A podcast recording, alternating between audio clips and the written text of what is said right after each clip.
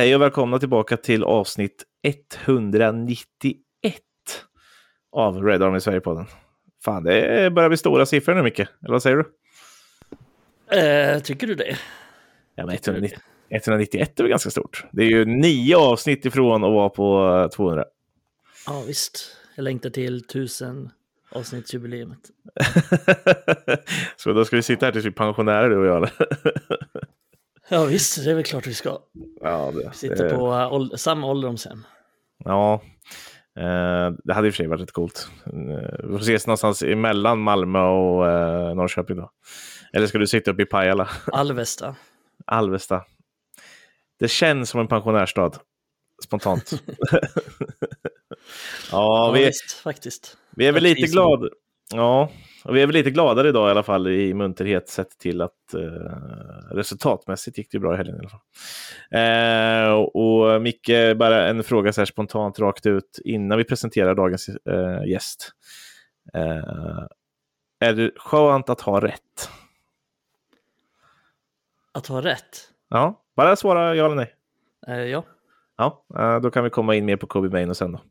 Eh, och vi flyttar över på Mr David Bellion tänkte jag säga, men det är någon som har lyssnat på våra avsnitt. Eh, han har tagit eh, i akt att eh, döpa sig till någon gammal United eh, profil. Eh, vet inte vad David Bellion gör nu, men Fredrik Adolfsson, om jag inte eh, säger fel här nu, så. Mm. Ja, är du väldigt välkommen. Ja, tack så jättemycket. Tack så jättemycket. Ja, Eh. David Bellion, det vet jag inte riktigt varför jag valde. Det jag försökte vara lite rolig, antar jag. Sådär. Ja, Ja. det är, det är väl ungefär lika roligt som när någon heter Isak Aron och, och lite sånt där. Så att, eh, jag vet inte. Det gör det mest svårt för mig i slutändan. Men nu heter ju Mikael Mikael och inte något annat. Så att eh, då blir det ganska lätt ändå att särskilja er. sen. Jag är tråkig Eh. idag. Ja, du är tråkig då. Eh, Men du har också varit väldigt opepp innan det här. Men eh, du lovade mig att nu har det gått två minuter in, så nu får du fan vara pepp. Ja, men det börjar bli lite rutin där. Jag bara sitter bara, fan dra igång nu. Ja, ja, ja, ja, ja. Eh, vi ska köra igång. Men Fredrik, eh, du skriver ju för Red Army Sverige. Eh, och eh, har gjort det hur länge då? Ja, jag började väl eh, ja, men jag började i somras någon gång. Eh, jag tror det första jag skrev var någon vänskapsmatch mot något, ja fan var det vi mötte? Sociedad eller något annat halv, halvtråkigt gäng. Då var jag uppe en natt och skrev eh, om, eh, ja men skrev någon sån här matchanalys. Um, Mm. Och sen har jag, alltså nu blir det väl fyra månader då. Ett, Mm. Ja, något sånt. Um, och skriver lite om, jag har skrivit några kröniker och så skriver jag lite om presskonferenser och lite eh, previews och sådär. Ja. Och eh, du finns ju som sagt att läsa på, på Facebook. Och, och det, du har skrivit en, ganska mycket nu sista ändå sen du kom in. Så att eh, det, det, vill ni bekanta er med Fredriks eh, skrivande så är det bara att gå in och läsa på Red i Sverige och det tycker vi ju alltid att ni ska göra. Så att, eh, se till att göra det. Men eh, var, eh, var, varför eh, blev det United då? Varför sitter du här och pratar i en United-podd? Ja, eh, det, det, det blev så av sig själv kan man väl säga. Min pappa var United-supporter, så det var liksom det fanns inga alternativ till det så att säga. Utan eh, eh, han föddes ju 1948 och började supporta dem då efter kraschen 58. Eh, och så har väl han liksom snackat om United väldigt mycket när man var ung och eh, mottaglig. Mm. Och så har jag väl följt dem ja, men, sen jag var typ 8-9 år kanske. Och nu är jag ju, ja, nu har jag precis fyllt 34, så det blir ju ett gäng år nu. 25 år har jag väl följt dem nu då. Mm. Ja, det, det börjar bli en del år. eh, När Mm. man tänker efter. Uh, fan, det, det är länge man har stått ut. Alltså, det känns som det var århundraden sedan vi var inne i en bra era. det, Ja, det som är lite deppigt nu är att så här, de, för de första liksom 15 åren var väl rätt kul. Men nu är det ju liksom 10 år som har varit mindre kul. Och det är Mm. lite jobbigt att liksom, ja, de här mindre roliga åren snart börjar bli lika många som de eh, roligare åren. ja, de börjar bli för många i alla fall. Men jag tycker nästan det har gått snabbt. Alltså liksom så här att bara, va? är det tio fucking år sedan som Mm. Fergie slutade och som vi vann. Det är tio år sedan vi senast vann en ligatitel. Jag tycker det känns liksom bara att man knäpper med fingrarna så har det gått de här åren. Eh, Ja. Någonstans ändå. Så Alltså det, det är väl både och. Den där paradoxen kan man väl eh, hitta i allting, alltså att det både går snabbt och långsamt ibland. Men Ja, det, det känns som en evighet sedan vi var bra, liksom, ändå. Eh, Fast Mm. samtidigt inte så länge sedan Fergie slutade. Så det är ju, går ju inte ihop såklart. Men det, det får gå ihop idag. Det får gå ihop idag. Ja, det får det göra.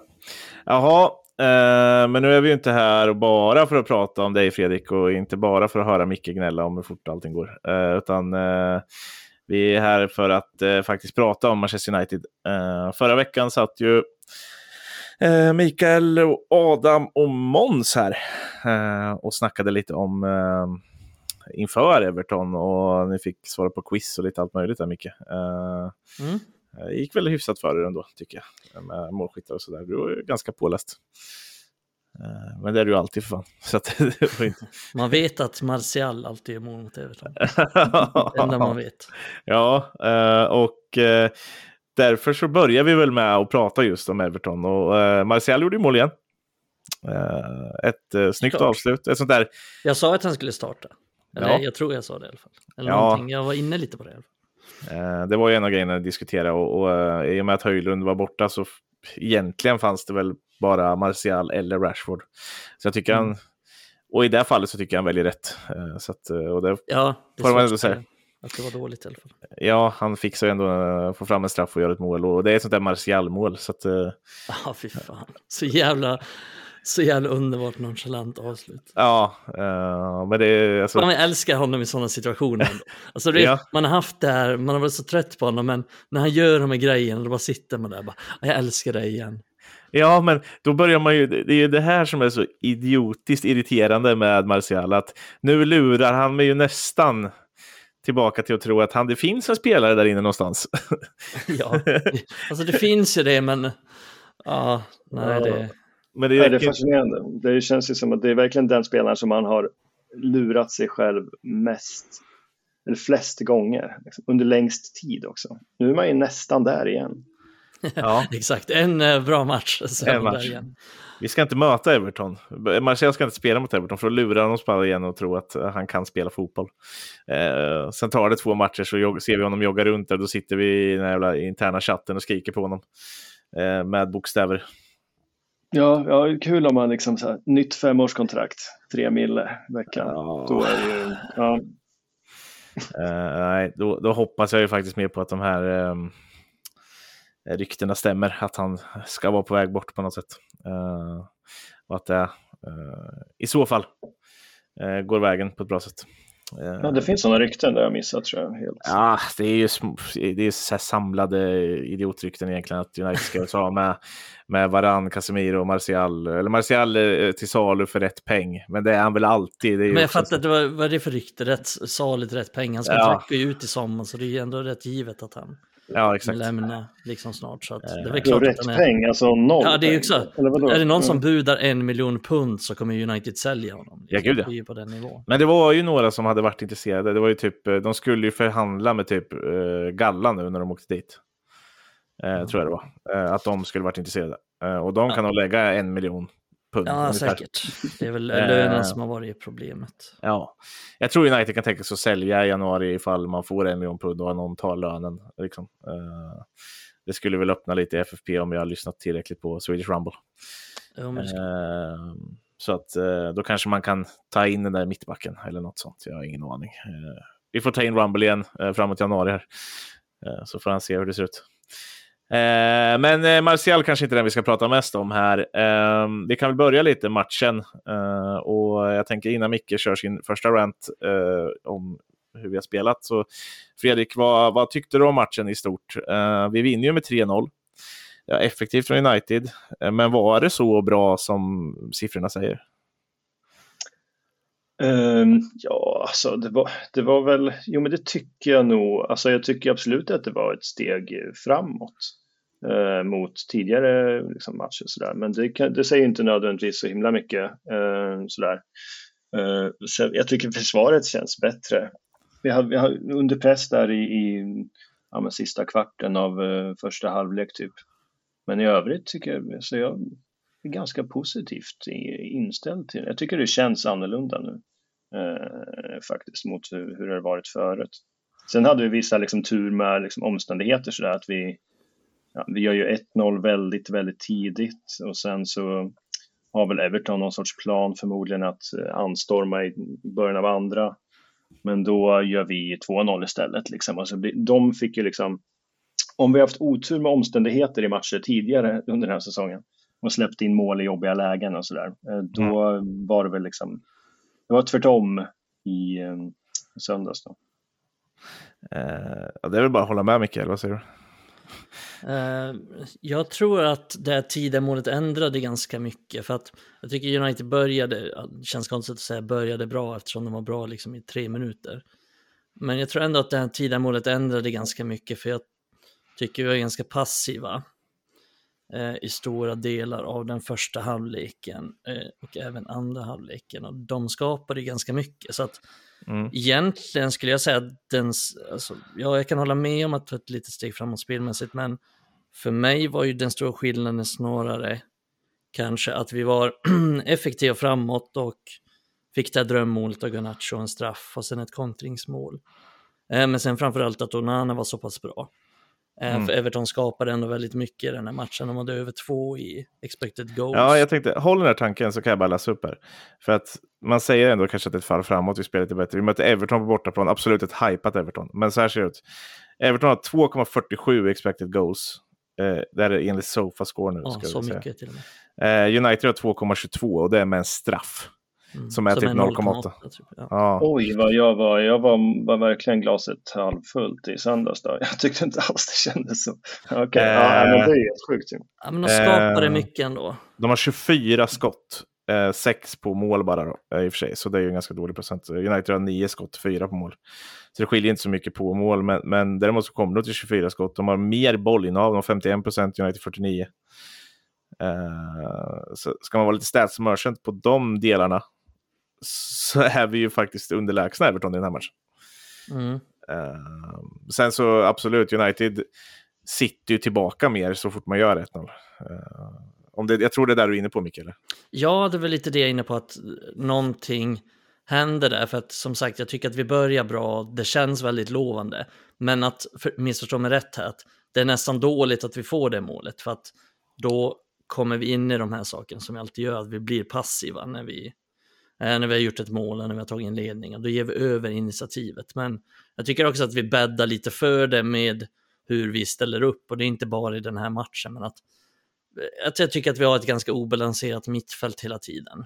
Eh, speciellt när vi spelar McTominay och Bruno och tror att de är några slags mittfältare, fast de egentligen aldrig egentligen spelar som mittfältare, utan att båda de är någon slags second striker hela tiden. Så Eh, vi blir ganska ihåliga centralt, och, men det, det är ingenting nytt. Jag tycker inte det är någon stor skillnad i den här matchen jämfört med tidigare, att vi, vi släpper igenom mycket centralt. Men sen finns det vissa skillnader som sagt i den här matchen jämfört med de andra. Och det tror jag främst har med personal att göra, så att säga. Det vill säga vilka som spelar och hur bra vissa av de spelarna var.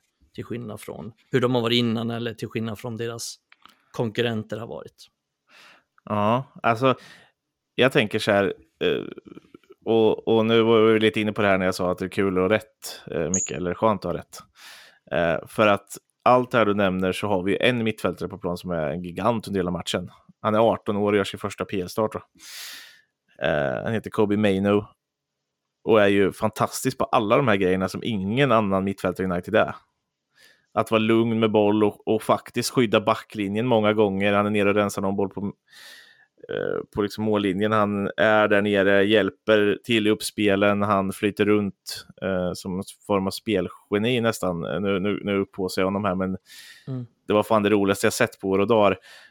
Och sen så blir jag så jävla frustrerad när liksom han gör någonting så bra, så spelar han upp bollen typ på Bruno eller McTominay, och så slarvar de bort den på två sekunder.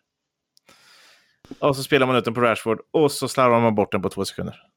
Ja, och det tycker jag vi, vi hade ju svårt med det under hela matchen igen. Eh, mm. Eh, och det är just det här att vi har så otroligt svårt att, att hålla i bollen. Sen tycker jag att de är lite förlåtna i just den här matchen för att Everton är väldigt aggressiva, speciellt på Goodison Park så är de det. Och sen framförallt med tanke på allting som har hänt med deras poängavdrag så tycker jag att det var väntat att de skulle spela på det sättet och vara så. Men eh, jag kan ändå ge dem the benefit of the doubt, liksom att det, det är svårt att... Men det, de är ganska svåra att hantera när de väl är på det, på det humöret, Everton. Eh, men eh, ja, det, så är det ju verkligen och där märks det tycker jag att, att Maynard är skickligare än de andra på just det. Mm. Eh, och innan vi ger oss in mer på Kobe Maynard, tänker jag bara lite snabbt här. Eh, så vad, vad betyder det för United att liksom vinna en sån här match ändå med 3-0? Alltså, eh, det, det, är ju ändå vår första med vinst med mer än målet i Premier League i år. Eh, vi har vunnit i, i ligacupen med 3-0 också. Eh, men eh, vi har inte vunnit någon annan match med mer än ett. Va, vad kan det betyda? Har du någon eh, känsla här, Fredrik? Jag tror att det kan betyda rätt mycket. Eh, bara någon sorts trygghet, bara någon sorts, alltså det har ju verkligen varit kniven mot strupen varenda match, varenda Alltså till och med Luton hemma och sådana liksom riktiga rövgäng. Nu får vi någon sorts trygghet. Jag vet inte, jag kan inte sätta finger på det riktigt, men alltså det betyder, det kändes väldigt, väldigt skönt som supporter. Jag tror att man ska nog inte liksom underskatta det, hur det känns för spelarna heller. Alltså de, det var inte en perfekt insats, men det var ändå någonstans en seger där vi visade att vi är fortfarande ett rätt bra fotbollslag. Och det har vi inte visat så himla många gånger i den här säsongen. Ja, men att man är ett, ett säkert fotbollslag på något sätt. I alla fall, alltså, jag kan inte säga att det ser stabilt ut hela vägen, men, men vi håller nollan, vi har en målvakt som presterar, vi, vi gör mål, vi straffar motståndet. Vi har kvalitetsmål också. Uh... Ja, ja, precis. Och, ja, och bara den delen att uh, Onana liksom börjar leverera och liksom gör det med bravur nu. Det, det Flest håller i ligan. Ja, det är helt liksom, det är fascinerande att han har flest nollor i ligan och vi har bäst liksom, facit senaste eh, sex matcherna och sådär. Det, är, det är mycket som inte känns, det, det, ser bättre ut på, på, i statistiken än vad det kanske känns. Eh, men samtidigt så vi, ja, jag vet inte, man ska inte underskatta det. Vi är, ligger bara, vad är vi, en poäng efter två poäng kanske efter eh, Aston Villa där och liksom, mm. det, vi ligger bra till. Ja, vi man inte glömma. Ligger före lag som Newcastle, uh, men det, det, kan vi komma in på sen. Mm. Uh, som är rätt hypade liksom. Ja, precis. Micke, har du något att tillägga i det där? Jo, men... Uh, jo, men jag tror framförallt att det gav självförtroende till vissa individuella spelare, typ så här Garnacho, som fick göra det målet. Eh, mm. Det tror jag han behövde. Rashford fick göra mål, det tror jag han behövde. Och Nana fick vara en matchhjälte, göra flera viktiga avgörande räddningar och hålla nollan. Tror jag också var, är avgörande framöver. Eh, att vi som lag höll nollan. Eh, alltså massa positiva saker på, på en individuell nivå tror jag. Men sen tror jag också lagmässigt att det är mer att det är mer självförtroende helt enkelt av att de vinner den här matchen med 3-0 och, Även om det inte var den bästa insatsen så, så tror jag att det ger ganska mycket faktiskt. Men det är också ganska komplext, det är ganska svårt att säga. Vi har, vi har ju ändå bra form, vi har vunnit många matcher på sistone, så att jag vet inte riktigt, men um, jag men... väljer ändå se det, se det positivt, framförallt på en individuell nivå. Det känns inte som de har tagit med sig de här, för alltså om man tittar typ Uh, du säger det, vi har vunnit många matcher på sistone. Ja, och vi gjorde en så här supervändning mot, uh, var det Brentford i slutet där va? Uh, mm. Där man gör en så här supervändning i slutet och som kanske borde höja en moral ganska mycket, även fast man har spelat dåligt. Och, och, moralen kanske inte är dålig, det kanske bara är att man spelar ganska dåligt. Jag vet inte, men, men Eh, ibland känns det bara som att vi är så jävla svajiga i självförtroendet för att det går emot oss någonting och då, då är Bruno nere på botten och det, och, och det, liksom så här, det, det skit där. Rashford ser inte ut som att han någonsin kommer springa förbi, förbi en spelare igen. Eh, Dalot vet inte hur man försvarar ens mot eh, liksom, någon från pojkar 10 liksom, eh, på bortre stolpen. Det, det, det, liksom, det, kan gå så snabbt från att vi ser ut som sist, vi rensar bollar på mållinjen, vi, vi täcker skott, vi, vi eh, vinner bollar liksom lite här och där och, och så här. Det ser bra ut ganska många stunder rent försvarsmässigt. Maguire och Lindelöf håller ihop. Onana räddar bollar och sen så helt plötsligt så ja, är det någonting som går emot och då sjunker, sjunker vi som skepp alltså. Ja, ja det är ju svårt att ja. liksom, sätta finger på, på vad det är, men eh, ja, men nu i den här matchen så, så blev det inte riktigt så, men, ja, men tidigare har det verkligen varit så. Det känns som att det är mycket mentalt, men det är jättesvårt att säga. Ja, det är verkligen så att om, om man tänker att Ja, men som Köpenhamn-matchen till exempel. Det enda man tänkte då när Rashford blev utvisad, så, men försök håll liksom, så att det inte blir lika innan paus i alla fall, så hinner vi omgruppera och sådär. Då är det helt självklart att då hinner det bli 2-2 innan paus. Alltså det har ju verkligen, ja vi, vi, har ju vi, har, vi är väldigt dåliga på att bara bita ihop eh, i vissa lägen. Eh, och ja, jag vet inte, är, vi kommer väl till Galatasaray-matchen sen, men det är väl där man, man fasar ju över att det ska kunna, ja, vi får inte vika ner oss där borta helt enkelt. Nej, eh, det, det, känns som att det lätt kan bli så. Alltså att, man, att vi skulle kunna hamna där. Men, men vi kan ta det sen när vi kommer dit. Eh, men, du nämnde lite mycket eh, Bruno, det här, ehm, eh, var inne på Rashfords mål till exempel. Eh, Brunos ledaregenskaper där kan vi bara toucha lite vid. Eh, eh, det är lite det där man vill se från någon, alltså att han går fram där, han vet att Rashford behöver göra det här målet. Han svarar ju på någon fråga efteråt också i en intervju att Ja, men eh, Rash, han bara, Rashford är en väldigt bra straffskytt också och jag var säker på att han kunde göra mål och han ska ha sagt något i stil med ta ditt självförtroende och den här bollen och gå och göra mål nu. Eh, eh, eller någonting sånt där. Och, och vad, är det viktigt att en sån spelare som Bruno, framförallt i det här tillfället, tar det ansvaret att även på plan eh, leda spelare och få dem att må bättre? Eller vad säger du? Jo, men det var ju snyggt av honom. Jag tycker faktiskt att Bruno, han får lite kritik för att han är för att han är självisk. Jag tycker faktiskt att han är ganska osjälvisk, även om eh, det ibland på planen kan framstå som att han är det. Men eh, jag tycker han också framstår som lite så här balanserad i många situationer, då kanske framförallt utanför planen. Ganska klok och vettig och sympatisk. Och det känns som att många i laget lyssnar på honom också. Och jag vet egentligen inte om det ger så mycket, kanske att han ger bort den här straffen, men Ja, men det, kan, det kanske inte ger något, det kanske ger något, jag vet inte, men... Ja, men det skulle ju kunna ge något i alla fall, det ger ju ingenting ja, ifall han... Jag gillar att han tar det beslutet, eh, att han gör det och sen, vi, absolut, Rashford är en jävligt bra straffskytt, alltså både Rashford och Bruno är egentligen helt otroligt bra straffskyttar. De är ju, Alltså de två är ju bland de bästa liksom, straffskyttarna som United har haft eh, någonsin typ. Eh, så de är ju extremt bra från straffpunkten båda två, så att jag känner mig ganska trygg med, med båda dem. Eh, och så det spelar väl inte jättestor roll där vem av dem mm. som tar heller. Så att det är inte så heller liksom att Rashford har missat alla straffar så att det blir liksom riskabelt att ge den, utan båda de är väldigt bra på det. Eh, så jag tycker det var det var snyggt av honom och det var, låter som ett klokt beslut och det blev ju, blev ju bra. Jag hoppas att det kan ge Rashford det här självförtroendet. Men Rashford kan inte ha missat mycket straffar alls va? Förutom Nej, jag tror han har missat två straffar i... Tror, han har slagit 20 straffar och missat två. Eller han missade finalen för England va? Ja, men i United. Ja, precis. Ja, ja nej, men jag bara tänkte, det, det är den enda jag kan minnas. Ja, precis. Nej, han missar inte många. Bruno 90 procent, det är ju sinnessjukt. Ja, man har typ så 90 procent eller någonting. Bruno har ju samma också.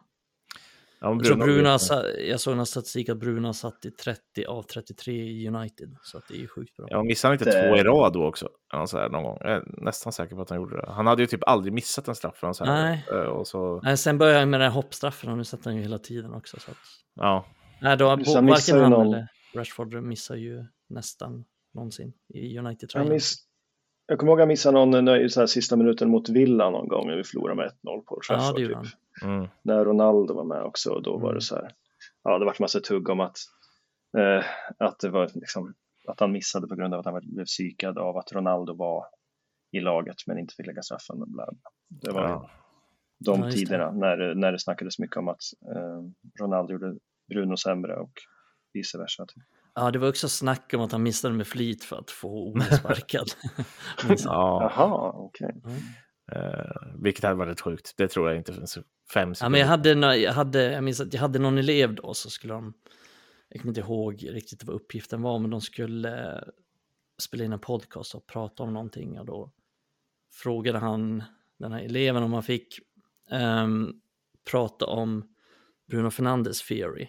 Och då var det typ så att det gick rykten om att han missade med flit för att få Ole sparken eller någonting sånt. Vad Ja. kul att de hade döpt också. Bruno Ja, Fernandes jag vet inte om det var någon här här, bland, bland ungdomarna någon slags eh, teori på, jag vet inte vad det skulle kunna vara på. Ska jag googla TikTok på eller- sen. Ja, den får vi nog... eh, Om någon vet det så får ni gärna återkomma om det. Ja, det kan ni få kommentera i eh, kommentarsfältet sen. Eh, som kommer ut. Eh, det, det vill vi höra om, om ni vet någonting. Eh, ja, men, så, ja, som sagt, vi kan väl knyta ihop den där och säga att det, det, jag, jag skulle bara vilja säga att från intervjuerna jag hörde efter matchen, jag såg den när Garnacho och Bruno stod efteråt till exempel. Eh, där, där pratar han ju själv om att han är väldigt krävande. Och jag tror att det är det mycket man ser av Eh, Att han har extremt stora krav på sina medspelare hela tiden. Att de ska klara av att göra vissa saker. Eh, Mm. Och, och eh, det säger han ju mer eller mindre rakt ut. Att han, han kommer finnas där bakom Garnacho hela tiden och tro på honom men också kräva extremt mycket av honom. Han är bra i intervjuer, Mm. fast det är liksom, eh, det är inte heller lätt, han har inte bott så länge i landet, så det är, det är inte så lätt att uttala sig alltid i intervjuer så efteråt, speciellt när han får lite, han får lite svåra frågor och blir lite pressad kring det här med ledarskap Mm. också, så att jag tycker han, han svarar väldigt bra på de frågorna alltid. Ja, han är bra, mycket bättre på att hantera engelskan än typ eh, Ten Hag till exempel. Han Ja, har ju ett annat precis. vokabulär och sådär. Sen, alltså att han ställer höga krav, alltså jag, rent krasst så tycker jag snarare att det finns för få Bruno i laget. Inte liksom att Bruno ska Mm. vara någon sorts, Bruno, alltså i alla fall på Twitter, jag vet inte hur mycket man ska gå efter det, men det är mycket käbbel om att han eh, inte är en rättmätig kapten och han är si och så och han eh, vad fan var det sist? Det var, han är väl någon sorts skamfläck för klubben och sådär och det är bara, ja, eh, sånt där. Det, Det är så hårt för Twitter alls. alltid, men Ja, Sen är det också så här, finns det någon bättre? Det är så här, visst, man kan ju, det är lätt, väldigt lätt att se problem och jag kan också, vi har ju snackat om det innan, men jag kan också tycka att visst, jag gillar inte hans kroppsspråk alla gånger under matcher och vi har ju många gånger där vi faller ihop och då känns han inte alltid som den största liksom, ledaren som bara okej, nu, nu kör vi, nu, nu kommer vi igång igen och så vidare och så vidare. Eh, Men det gör ju inte någon annan heller i laget. Och jag ser inte heller att det finns någon tydlig ledare som är så mycket bättre heller. Så att Nej. man kan inte bara säga att ja, han är kass som ledare, ta bort honom som kapten. Blir det bättre om vi sätter någon annan? Mm. Vi har ju nyss nej. tagit bort kaptensbindeln. Alltså, jag, jag kommer ihåg när vi satt och pratade om det här att vi, vi, vi ville ju plocka bort det från Maguire. Dels, han spelar inte. Eh, dels, det kändes inte som att han hade den auktoriteten och framförallt inte efter att eh, ha blivit det åtlöjet eh, som han blev liksom, eh, i sociala medier eh, överlag. Och, och då, då kändes ju Bruno som en som kunde hantera den där binden bättre och det känns som att det faktiskt har hjälpt Maguire också till viss del. Ja. Eh, att kanske bli av med det där extra trycket. Eh, så att jag tycker nog inte att det är fel. Att, jag tycker Bruno är rätt person just nu. Sen kanske han inte är det om en, om ett tag, precis som Adam vet jag varit inne mycket på. Eh, men han, man behöver ju sådana där spelare och jag tror att det här är ju en sån här grej som vi omöjligt kan veta. Vi vet ju inte hur de andra spelarna reagerar på att Bruno slår med armarna och sånt här. De kanske, han kanske gör det varje träning och så. här. De är vana vid det. det de vet om att ja, men nu är han taggad. Eh, Nu ska vi ta vara på det här istället. Alltså det, Och vi, vet inte hur det ser ut i omklädningsrummet och så vidare. Och så vidare. Nej, men exakt. Och vad han säger där, vad han ställer för krav där. Alltså en kapten brukar ju normalt sett i fotbollssammanhang ha rätt mycket att säga till om i omklädningsrum och sådär också. Så att, och det har vi inte en aning om hur det ser ut. Vem är ens vicekapten nu? Jag vet inte vad som Har vi någon sån? har vi haft binden på någon annan? Eh, vem hade den när Bruno inte spelade? I, Han spelar ju eh, alltid. Nej, Han spelar ju alltid. Nej, men han Men vi har väl ju... haft lite olika där. Lindelöf hade ju någon gång. Ja, just Hade Ja, inte är Varann liksom- binden eh, Varann i kuppen ja. där när Bruno Ja. inte spelade? Så att det är lite olika. Nu är varann, eh, liksom, nu får inte varann spela någonting så att det är väl lite flyktigt där beroende på. Ja. Jag tror det blir lätt att kanske ge den till typ Casemiro eller varann just för att de har Ja, eh, rutinerade spelare. Jag hade lätt kunnat hamna på Evans ifall eh, han hade spelat i en match där Bruno Ja, inte visst, spelade. visst. Alltså så här, bara på grund av rutin liksom. Kul om Anthony får en riktigt spelare.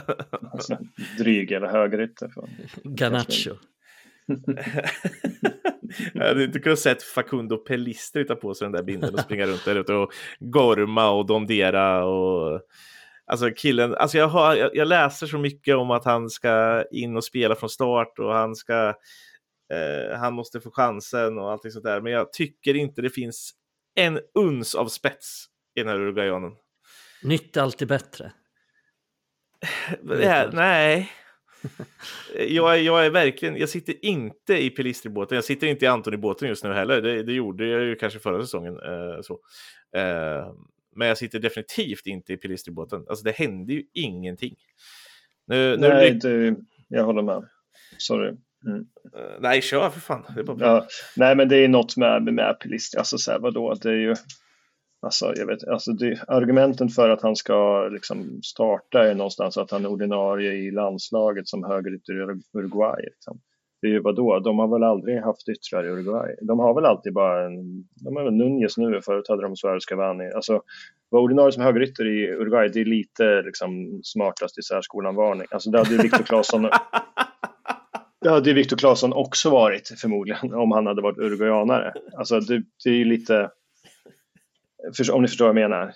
Ja. Mm. Det kan ju inte, det kan ju inte alltid hålla att ah, han är ordinarie för sitt landslag. Jo, jo, men det spelar ju en jävla roll vilket landslag det handlar om. Också.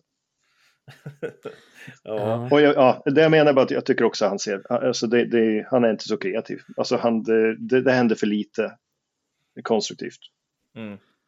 Ja, men framförallt tycker jag att han är ganska... Vi har ju pratat om honom innan här också för något av, några avsnitt sen minns jag. Jag har Ja. inte så mycket att tillägga från det egentligen, men jag kan väl dra det igen. Men det känns som att han liksom huffar och puffar lite. Du vet, eh, som de där Du menar vargar det? vad betyder det? blåsa Som liksom. Ja, Och det här grisboendet eller vad fan det var. I den här. ja. Eh, nej men så står de och han står och försöker lite, det, han försöker komma förbi lite, han försöker skjuta ibland, han försöker göra en massa saker men det, det händer inte så himla mycket. Och det kän, han känns så himla ofarlig framför mål också. Man får aldrig känslan av att, alltså med Ganacho till exempel så får man hela tiden känslan att han kan avgöra det här när som helst. Han kan göra mål från ingenting, han kan göra mål när som helst.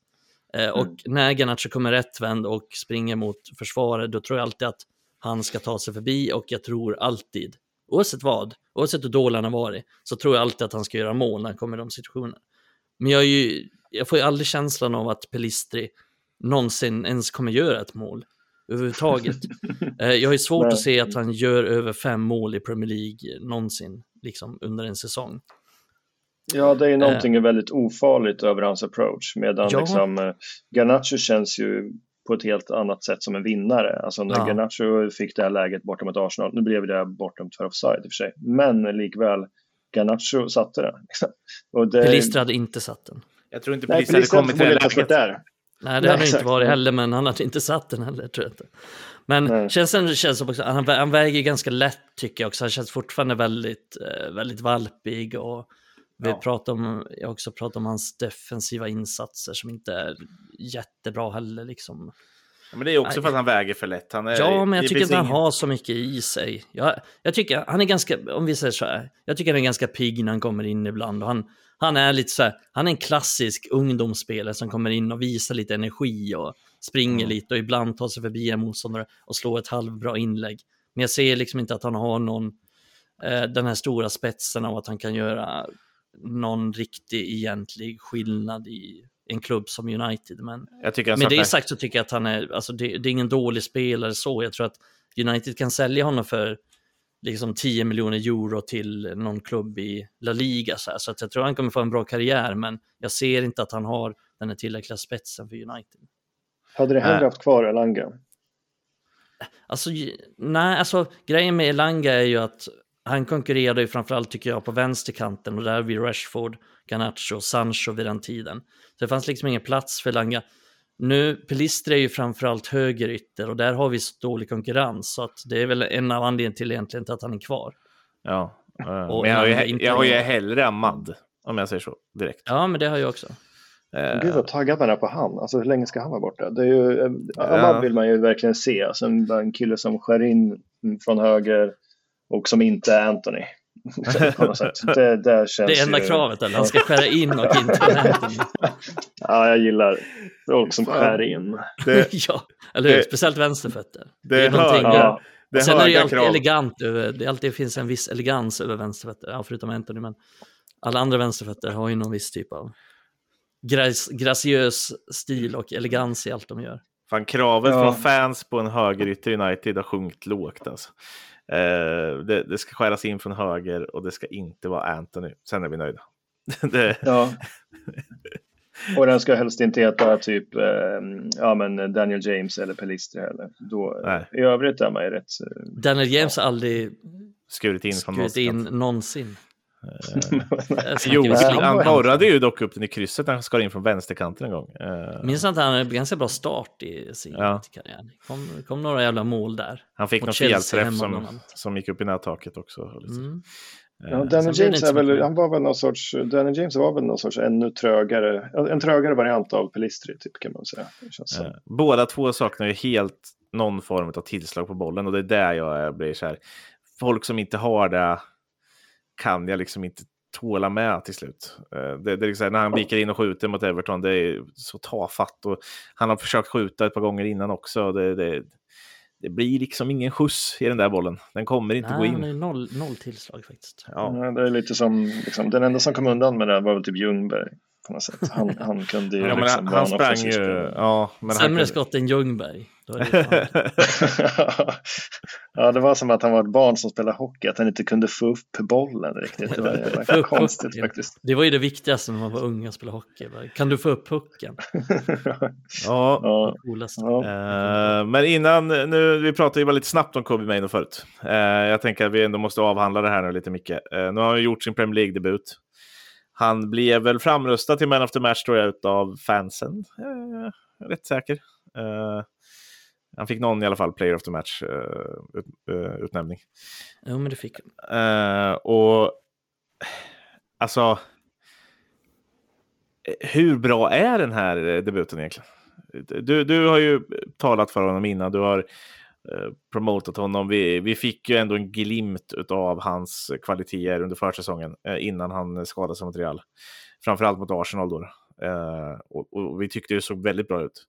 Vi fick lite skit på Twitter för att vi eh, hade huvudet eh, under armen och, och inte ville se eh, eller att man inte ska titta så långt fram som att han kan bli en ny stjärna.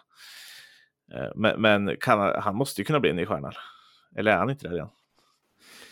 Jo, alltså när man... Jag tänker så här. Eh, när man är ung och kommer in i laget så brukar man leva mycket på, alltså liksom på sin energi, på att man löper mest, sliter och tacklar och då kommer supporterna gilla en. Alltså lite som Hannibal gjorde. Mm, mm. Eh, så här. Man springer mycket och härjar runt där på planen. Eh, men det Maino gör egentligen, det är att han kommer in i laget och har flest touch per minut av alla spelare i United. Och det gör man inte från ingenstans. Det gör man liksom inte utan att ha riktiga kvaliteter. Eh, sen tycker jag också att så här överlag, alltså jag har ju sagt redan innan så här att jag tror att han lika gärna kan bli en ordinarie spelare under den här säsongen, bara han eh, väl blir skadefri och får chansen. Och nu fick han den där chansen och jag menar, egentligen så tycker jag att han är redan nu den mest mångsidiga av alla mittfältare vi har och han kan spela på alla de här positionerna, han kan spela sexa, åtta, tia. Han kan spela alla roller och han kan göra det otroligt bra. Eh, och det jag tycker han bidrar med som ingen annan gör, det är att han kan ta emot bollen felvänd. Alltså att han kan ha den här sexa positionen, kan ta emot bollen felvänd, vända upp, driva framåt och ändå slå en konstruktiv passning. Och det gör han ju faktiskt innan Garnachos Mm. mål där. Eh, så att det är lite därför Ten Hag ville ha Frenkie de Jong i just den rollen. Eh, och han kan göra de sakerna, inte lika bra som Frenkie de Jong, men han kan göra de sakerna väldigt bra och framförallt bättre än alla andra i Uniteds trupp. Eh, men hans styrkor ligger också i beslutsfattande, spelförståelse, känsla för tempo, eh, Bruno sa något, inte på tal om Brunos eh, ledarskap och analytiska förmåga, så sa Bruno något intressant efter matchen. Då sa han ju att eh, Maino aldrig gör misstag egentligen. Eh, och jag skulle säga, jag tyckte det var intressant för att jag skulle säga att alla våra centrala mittfältare, eller alla mittfältare överlag i, i United gör misstag och ganska ofta också. Eh, så det är en sak som han gör bra, att han alltid bibehåller bollen och han kan alltid värdera, trots att han är 18 år, trots att han gör sin första match, så kan han alltid värdera, när ska jag hålla i den? Eh, när ska jag slå en lång passning? När ska jag slå en kort passning? När ska jag spela hemåt? Och han tar oftast rätt beslut i de situationerna och det gör inte så många andra. Eh, men en annan sak också att han har ju den här snabbheten, den här aggressiviteten, att han kan vinna dueller och det kan ju inte Eriksen till exempel. Och Amrabat är också väldigt långsam. Eh, så han blir sällan helt bortspelad och hamnar efter. Och blir han det så är han ju väldigt bra på att täcka upp och glidtackla. Och, för när man tänker på Maino ändå så tänker man ju ofta på hans kvaliteter med boll, eller det gör jag i alla fall. Mm. Men det är ändå imponerande hur bra han är utan boll och det tyckte jag vi såg Eh, flera exempel på i den här matchen, bland annat då när han räddade på linjen. Eh, nej, men jag tror egentligen att Alltså visst, nu snackar vi så här, mm, kan Maino bli någon när spela United? Jag tror till och med Maino skulle kunna ta en plats i Englands EM-trupp i sommar om han fortsätter så här. För så bra tycker jag att han är, så det är liksom inte bara... Visst, jag ska inte säga så här, det är helt 100% säkert att han kommer bli en världsstjärna så här, för att man vet aldrig med skador, med mentalitet och sådana saker, men, men alla de fotbollsmässiga egenskaper han visar upp, så är jag väldigt säker på att han kommer bli en extremt bra spelare. Och att han är så att, att, att han är så klok i den här åldern, att han är så mogen och tar alla de här bra besluten. Det är det som, eh, som gör att jag tror extremt mycket på honom. Ja, alltså, jag kan inte annat alltså, än, än att bara så bli... Ni märker på mig att man är lite euforisk liksom, att få se honom. Alltså, vi, Eh, jag, jag gillar ju Hannibal Meshbury och sådär, men det, jag, jag köper att det är liksom lite på de premisserna. Eh, som du säger, han löper mycket, han har rätt inställning. Lite där man gillade Scott McTominay för i början också, när han fick börja spela. Eh, lite, lite, lite samma grej. Eh, mm. Sen eh, ska det sägas, eh, förlåt för att jag avbryter, men en sak jag tänkt på med, med Hannibal just, det är att han, för när jag sett honom mycket, säg U18, U21, eh, även på lån i Birmingham och så vidare, så han tar ju mycket den roll han blir tilldelad att ta.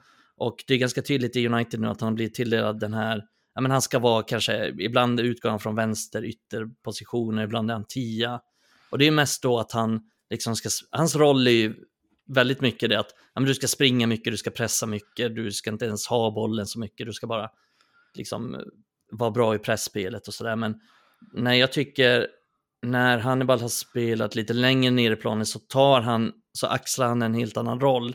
För han kan också hantera de här sakerna eh, som Maino är bra på. Det vill säga att han kan styra spelet, han kan lugna ner det, han kan också värdera när vi ska gå framåt, när vi inte ska gå framåt. Eh, det är bara det att han inte har fått spela den rollen i, i United och det kan ju vara så att han inte är så bra i den rollen i United på den allra, allra högsta nivån, det vet vi inte, men men eh, jag ville bara säga det, att han kan faktiskt ta olika roller så att vi mm. inte bara typecastar honom i, i en och samma roll. Och samma är det med Maino egentligen, han kan ju också ta alla de här rollerna. Han kan spela som, nu spelar han ju, Erik den använder honom mycket som, som sexa, att han ska ja. komma, droppa ner, eh, hjälpa till mycket i försvarsspel och så här, men eh, frågan är liksom var han har sin bästa position, det tror jag inte riktigt vi vet än. Nej, alltså, jag tycker att hans kvaliteter skulle passa svinbra som som spelade bredvid en bra sexa. Alltså, ja, eh, egentligen. Men... Han är bra offensivt också. Han, är bra, alltså, han, är, han är en kreativ passningsspelare. Han är, han är ja. bra. Jag tror inte alla har sett den efter den här matchen. men han, är, han är bra i båda boxarna. Alltså kolla bollen han slår till Bruno där efter något läge. Han är, bra, han är bra på att slå avgörande passningar. Och, han alltså, har bra skott också. Han är... Han bra skott också. Jag ja. sett han Nej, men han är... Jag skulle säga att han är, han är enormt komplett som, som spelare. Men, han är, är bra någonting... i båda riktningar. Han är väldigt, han är väldigt eh, box-to-box-aktig tycker jag. Mm. För han är ju, eller liksom, jag har typ gått runt och tänkt på honom nu, både igår och idag. Alltså det var ju något liksom, det var länge sedan jag var så här taggad på, på en enskild spelare liksom. Men hur, eh, du som har följt honom sedan han var sju år, Mikael, vad, liksom, eh, hur, hur verkar han vara som person? Är han liksom någon sorts, han är inte någon ny Jesse Lingard dansande figur, utan för han ser väldigt seriös och liksom, han ser ju rätt, han ser nästan lite Kanté-aktig ut. Han ser väldigt timid och eh, liksom ordentlig ut.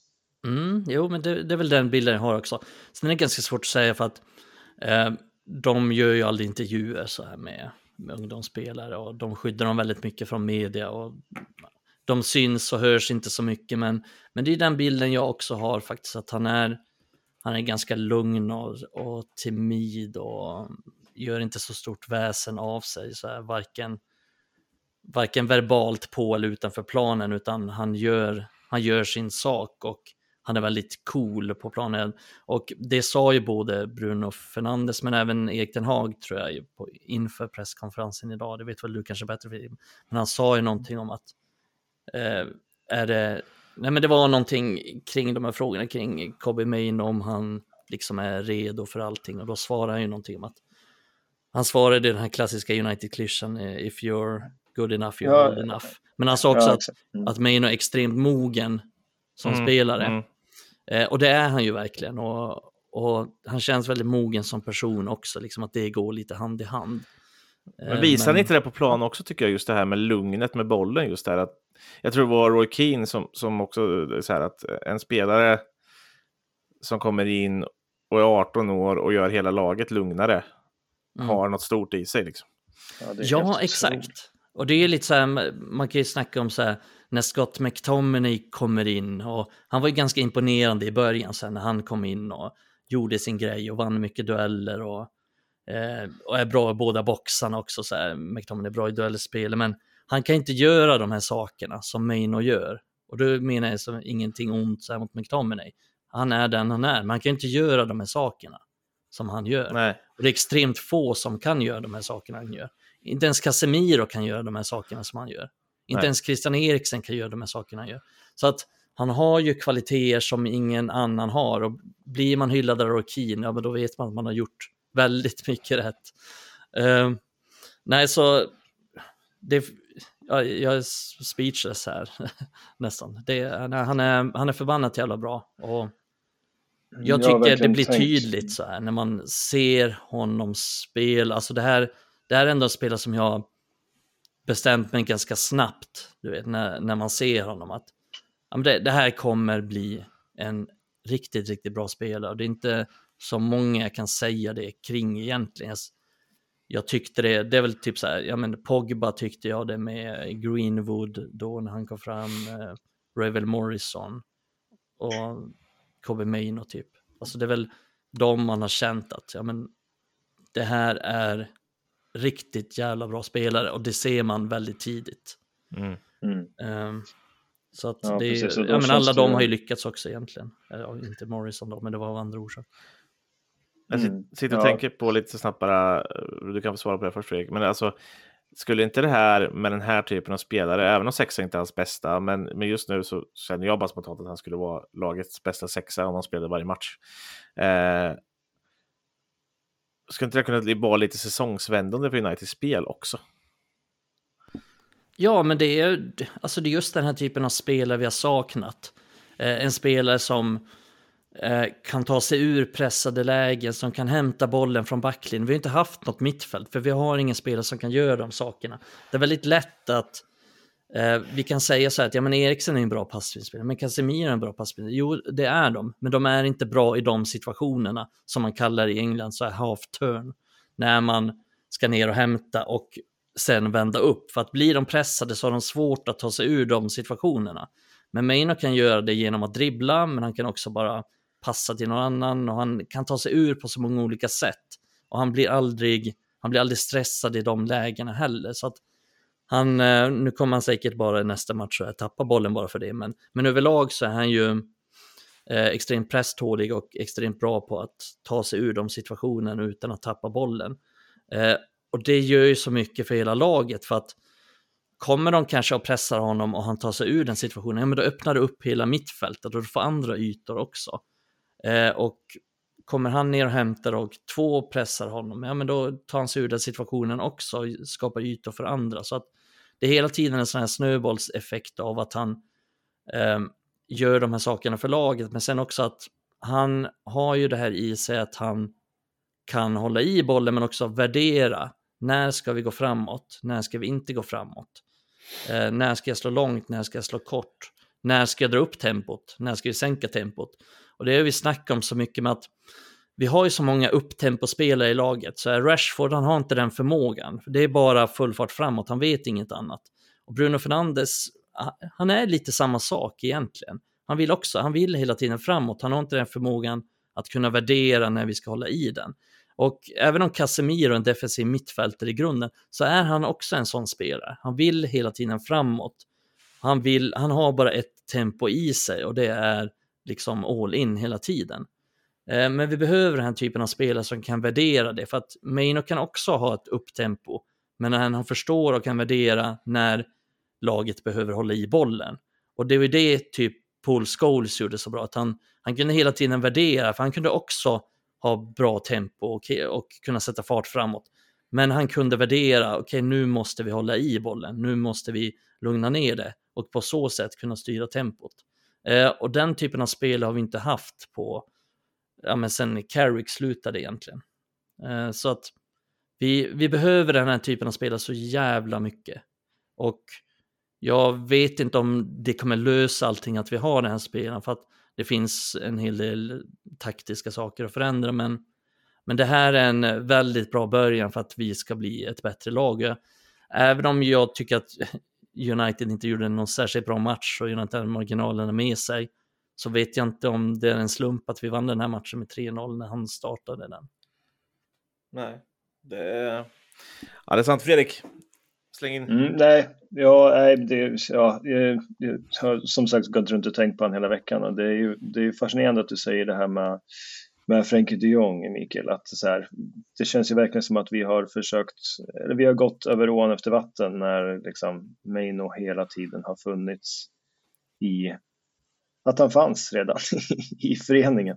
Det är faktiskt ganska fascinerande, för det är ju som du säger, det är ju den här spelaren åtminstone jag har, har eh, väntat och eh, längtat efter på. Liksom, mm. sådär. Eh, och så, ja, nej, det är ju eh, fruktansvärt eh, cool ska det bli att följa honom. Det är nog den jag är mest, jag har varit, jag har aldrig, det var väldigt länge sedan jag var så här taggad på någon spelare. Tror jag. Ja, men det var nog är... Greenwood som var lite så ändå får man säga. Ja, det var ja. Mm. Men han är, nej, nej men det, sen är det ju också, alltså det blir den här rekryteringsgrejen som vi har pratat om i United, att det är så svårt att hitta rätt spelare och någonstans ska vi hitta rätt spelare så känns det rätt symptomatiskt att det ska vara eh, spelare ur den egna akademin. Eh, om vi bara ser till den här matchen, liksom där Garnachos mål, Mainos insats, Rashford gjorde mål också för den delen, så är det ju det är ju någonstans då vi lyckas, när vi lyckas få fram de här spelarna, för att vi har egentligen inte lyckats värva oss till några, några spelare egentligen. Och det har känts så väldigt mycket att ska vi få ett bra mittfält igen, ja men då behöver vi få fram de här spelarna.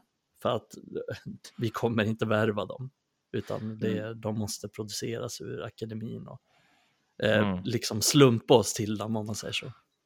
Ja, men han är väl ordinarie nu va? Eller ska man se han som ordinarie? Om Casemiro kommer tillbaka då är det Casemiro, Meino och uh, Bruno lite framför eller?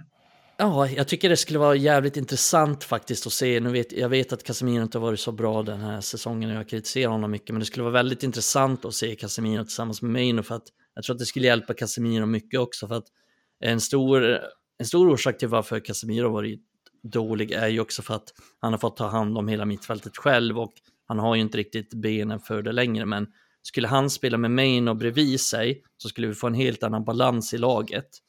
Eh, så det tycker jag skulle vara väldigt intressant att se faktiskt. Mm. Mm. Nej, men jag håller med. Det är väl, ja, men eh, alltså de jag tycker ska spela, det är väl liksom Main och Casemiro, sen Mount, Bruno. Liksom, det är ju de fyra jag skulle framförallt rotera med. Sen finns ju Eriksen såklart och sen Amrabat kan väl snubbla in sig. Jag tycker Amrabat känns mycket som att kanske kan slänga in honom snarare att han ska starta i nuläget. Ja, men han kan, ja, han kan roteras in uh, för en Casemiro eller någonting sånt där. Uh, men uh, ja, alltså jag, nej, det, jag håller med dig Fredrik där också. Det, var, det känns som att man är... Det var länge sedan man var så här jävla sugen bara på att se en ny match med, specifikt för en spelare. Ja, precis. Man har väl liksom varit... Ibland så inser man inte riktigt hur svältfödd man är på, på glädjeämnen. Men så kommer en sån här kille och då förstår man att det är det, är det här som är grejen. Liksom. Ja. Uh, ja, det var kul att snacka med lite i alla fall. Uh, jag tänkte, nu har vi snackat nästan en timme bara om allt kring Everton här och, och se vad, vad en, en 18-åring och 3-0 kan göra med oss. Uh, men vi måste ju också nämna, vilket vi inte har nämnt, vi har nämnt att det skedde ett mål efter tre minuter. Men Mikael, är det snyggaste du har sett? Där och då tyckte jag det i alla fall. uh, ja, nej men fan, ja det är väl klart det är. Det är klart det är. Men är det snyggare det är... än Runis?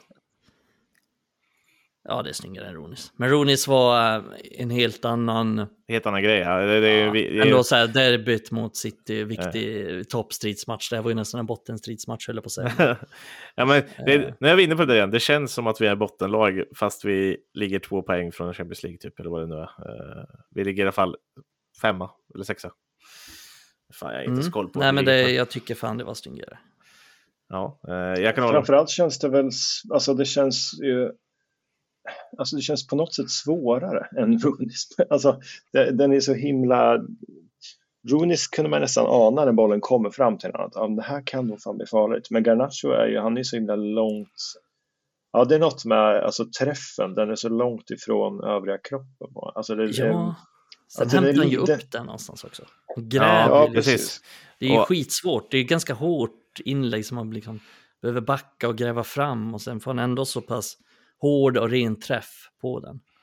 Och eh, ska man se det så, det, det är ju Rooney efter att man har synat bilder och han har blivit synad. Han sätter ju faktiskt in med benskyddet. Uh, det här är ju en klockren träff med typ vristen uh, som sitter i bortre krysset. Eh, och, Vad är Runis benskyddet? Alltså, fan, det har jag aldrig tänkt. Ja, uh, ja lite benskyddsträffar, tyvärr. Ja. Det tar bort lite, lite. det gör det. Uh, det är lite som när man ser ett så här enormt jävla långskott och sen ser man på reprisen att den touchar någon. Ja. Det är lite, lite den känslan med Runis. Mm. Nej, men det... jag, vurmar annars, jag vurmar annars mycket för Berbatovs eh, bissa, eller halvbissa de ska kalla det, mot Liverpool där när ja. han lobbar upp den på han lobbade upp den via låret innan. Mm. Den såg jag live. Gjorde du? Ja. Jäklar. Oh shit. Okej. Okay. Mm. det var lika snyggt live eller? ja, det var det. Det var framförallt jävligt skönt. Jag vurmar mycket för Berbato över, överlag. Det är fan... Ja, han är topp två favoritspelare för mig i United-historia. Med Berbaspinnen nere vid kortlinjen. Eh, det här när han startar, det är också snyggt, men när han startar uppspelet i eget straffområde, joggar igenom allting. Läktaren? Eh, ja, exakt. Det var det 7-1, eller vad blev det? 6 eller 7-1 va? Tror jag. Men så han, han gjorde fem va? Ja, han gjorde fyra tror jag. Ja, okay. Han hade fem mål tror jag. Han kanske gjorde fem. Ja, jag vet fan. Men han var ju där säsongen när han gjorde, han var med typ skytteligan på att göra typ hattrick och sånt mot eh, Ja, han var nu på så 19 mål, men han gjorde ju fem mål i en match och så gjorde han tre mål någon annan match. Typ. Ja, och allting var mot typ bottenlagen. han var bäst mot dem. Det var, han fick alltid då, spela mot Då kan man ju ta den här diskussionen så här bara.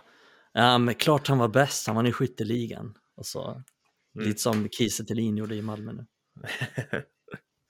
ja, eller vad fan hette han i Djurgården som de lyckades sälja för att han hade gjort 12 mål på eh, en, eh, en halv säsong och eh, han hade gjort typ två hattrick och han hade gjort typ åtta eller nio mål på en halv säsong.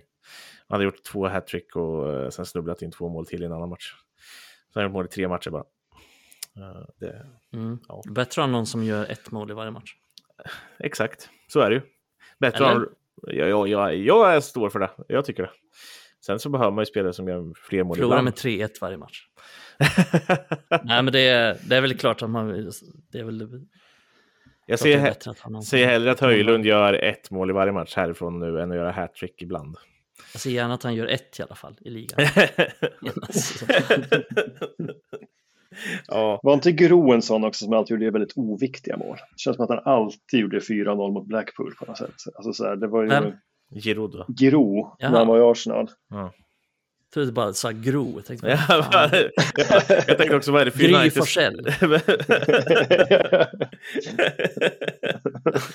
Ja, det kanske han gjorde.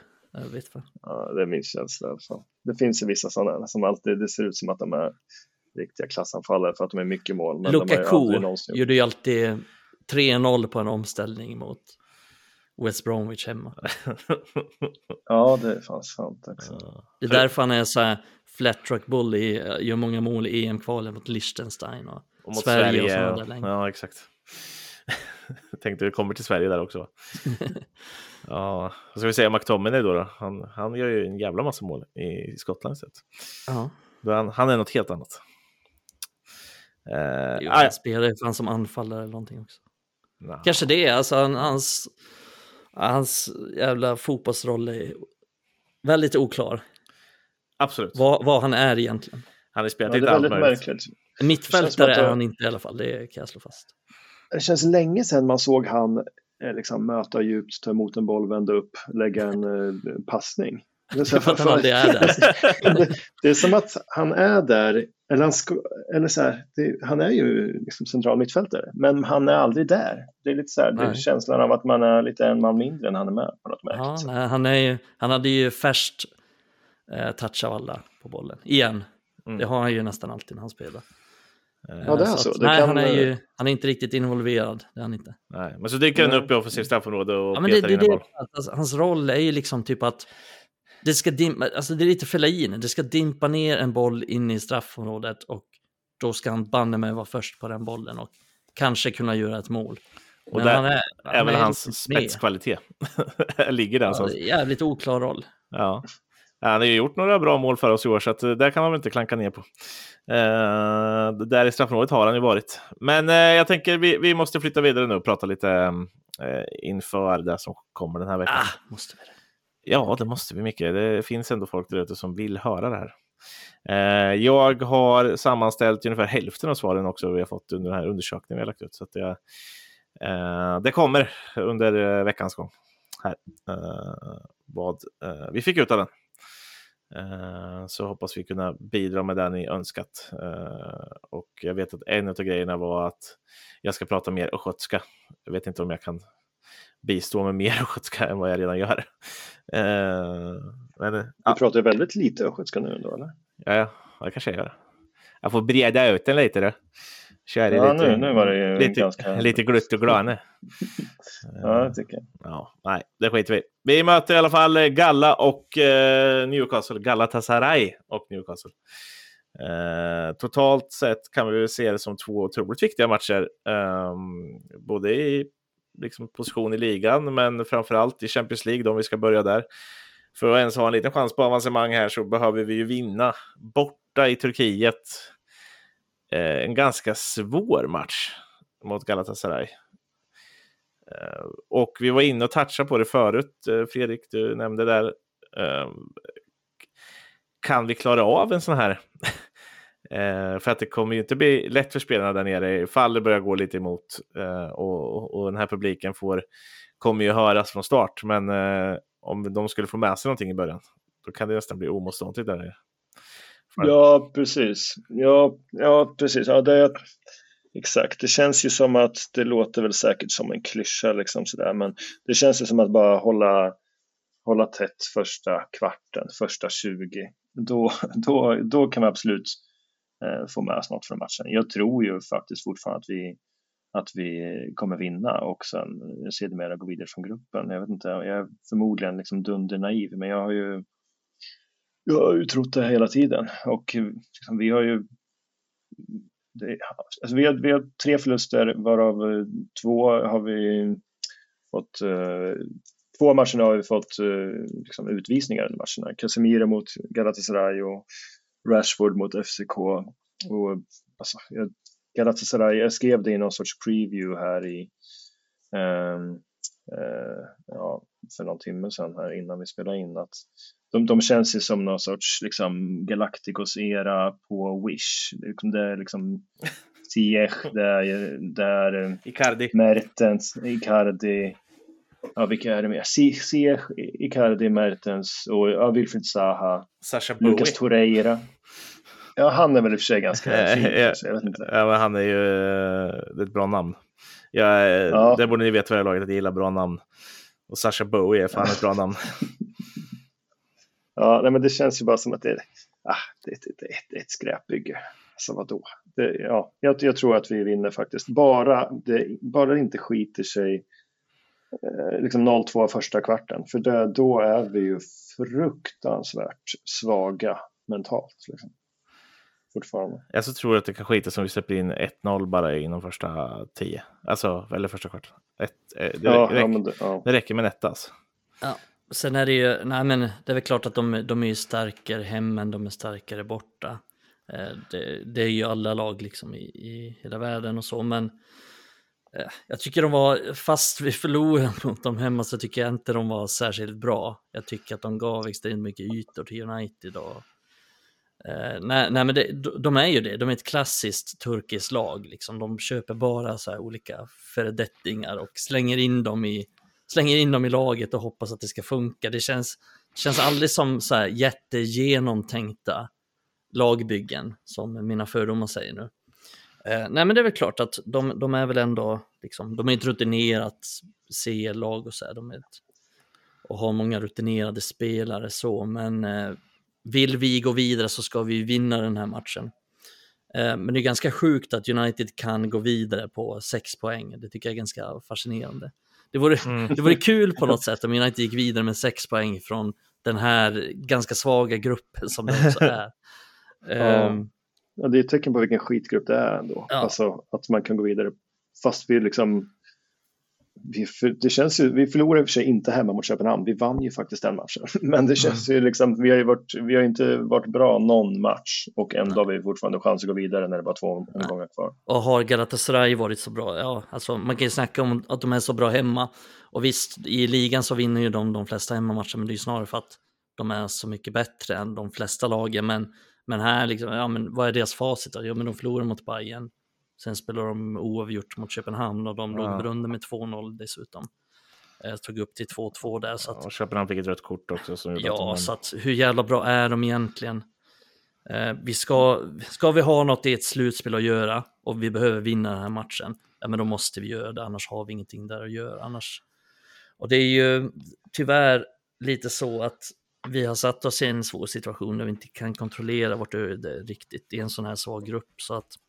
Men det är, det är oförsvarbart om United inte går vidare ur den här gruppen. Så enkelt är det. Och United måste vinna den här matchen. Så enkelt är det också. Och gör vi inte det så är det ett extremt underbetyg till, till Ten Hag. Mm, Ja, nej, det är verkligen som du säger att vadå, vi, vi har kniven mot strupen nu. Nu måste vi, eh, nu har vi varit för dåliga, nu måste vi leverera. Vi har, eh, vi har den här chansen på oss, då måste vi ta den. Annars så förtjänar vi knappt att vara i Champions League, men vi förtjänar verkligen inte att vara i Champions League-slutspelet. Liksom. Alltså, då, då är det ju så. Eh, håller med. Och jag sitter bara och tittar igenom deras trupp lite snabbt här. Och känner att hade inte en väldigt skadedrabbad Anthony Martial passat perfekt in i det här jävla laget. Ja, det är ju samklang. ju. Ziyech, Icardi, Zaha, Bakambu, Mertens, Ndombele, Torreira, Tette, Angelino, Sergio Oliveira, Kerem Demirbay, Davinson Sanchez, Victor Nelson, dansk, vet jag inte ens om det är. Eh, Fernando Muslera. Han är bra. Ja, Mus- Muslera, ja, han, är, han stod ju där, em, som sagt så skrev jag en sån här preview förut ju, och han stod ju där när vi mötte dem sist, 2012 också. Så Mm. Alex tränare. Fortfarande Mm. samma mål, så han har stått ett tag. Ja, han är väl, eh, för att han är 87 eller något sånt. Så han är inte så himla gammal för att vara- målvakt, men han kom ju fram när han var ung. Men han har ju han ju varit skadad, Ja, eh, men Ja, nu är okej. han väl tillbaka. de har ju inte många turkar man vet exakt om det är. Eh, Förutom, jag vet om Kerem Akturkoglu är, ungefär. Ungefär. Vet jag. Eh, har du någon aning? Eh, Alltså, jag vet att han har spelat mycket. och jag har sett honom förut. Jag har sett honom spela förut. De andra kan jag inte minnas att jag har sett. Eh, Det känns också som att Anthony skulle kunna passa i det där bygget. Ja, Anthony om tio år kommer spela i Galatasaray. Mm. jag tror Anthony om Verkligen. två år kommer spela i turkiska. ja, men framförallt om tio år. ja, okej. Men alltså, bara tanke på det du nämnde det här förut, eh, sist vi mötte Galatasaray där. Mergim, eh, vår kära skapare av Red Army Sverige, eh, har ju alltså bjöd ju på 11 vi hade sist. Den var allt annat än imponerande. Anders Lindegard, Rafael da Silva, Michael Carrick, Phil Jones, Alexander Byttner, Steven Fletcher, Steven Fletcher. Steven Fletcher. Herregud. Nej, men, vet du varför jag sa det? För att jag, jag kan ta det efteråt. Vi säger Darren Fletcher, Andersson, Cleverly, Nick Powell, Chicharito Hernandez och Danny Welbeck. Eh, det var det kul faktiskt, på tal om Fletcher, så, här, så tränade ju Darren Fletchers son, ena son, idag med Uniteds eh, A-lag inför den här matchen, Jack Fletcher som bara är 16 år. Sen mm. har han ju en annan son också, Tyler Fletcher, som också är i, i Uniteds akademi och gör bra ifrån sig i U18. Nu kommer inte någon av dem spela såklart, men det vore ju en fin fortsättning på att senast vi mötte dem. Ja, det hade varit kul. Men det, det var fan inte imponerande den där elvan. Uh, och, Nej, det var det inte. Jag... Det var det sällan med Fergie. Ja, sant. Eh, jag var ju i England i helgen. Jag uh, försökte få plåtar till, till Everton-matchen, men lyckades ju inte med Uh, ja, fan betala lite då. Dra ja, men det var ju fan svårt. Det fanns ju knappt någonstans på de här andra. Sug av någon utanför arenan eller något. Ja. uh, men vi var, vi var och såg Bolton och sen så träffade vi på någon uh, Wrexham-supporter. Och då såg vi att Steven Fletcher spelade i Wrexham. Oj, jaha. Det var nog därför jag tänkte på hans namn. Mm. Det, det de har också tagit in några, ja nu har ju Ben Foster slutat men de tog ju också in några gamla godingar. Mm. James McLean har de som ja, precis. någon slags wingback. Ja, det känns sjukt att han spelar wingback. Man tänker att han ska vara typ fastvuxen på defensivt mittfält. Uh, men känns Nej, det inte också som att Steven Fletcher vore typ?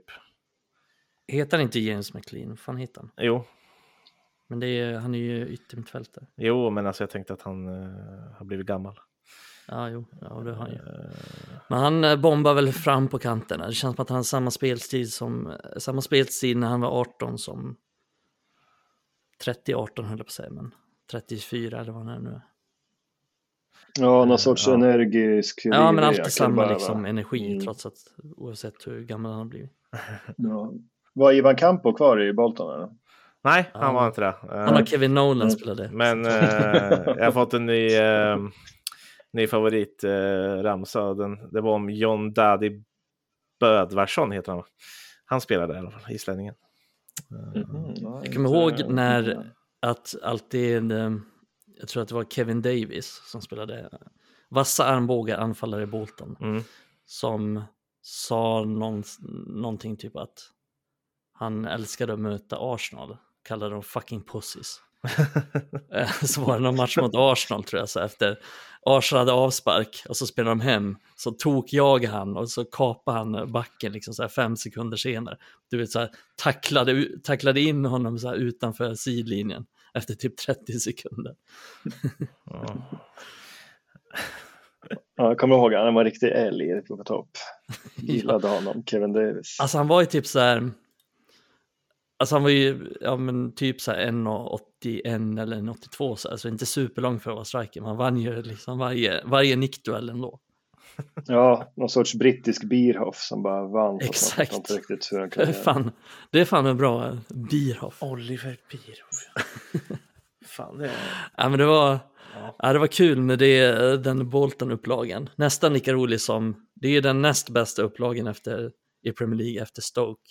Stokes upplaga med Tony Pulis. Fy fan vad när Adam sitter och lyssnar på det här nu så sitter han bara Fy fan att jag inte var med i det Vilken upplaga är det? Är det Shakiri, Arnautovic Nej för fan, inga sådana, inga sådana lirare. Nej. Det är bara, bara brunk. Det måste vara Peter Crouch i eran eller? Ja, precis. Och Aha.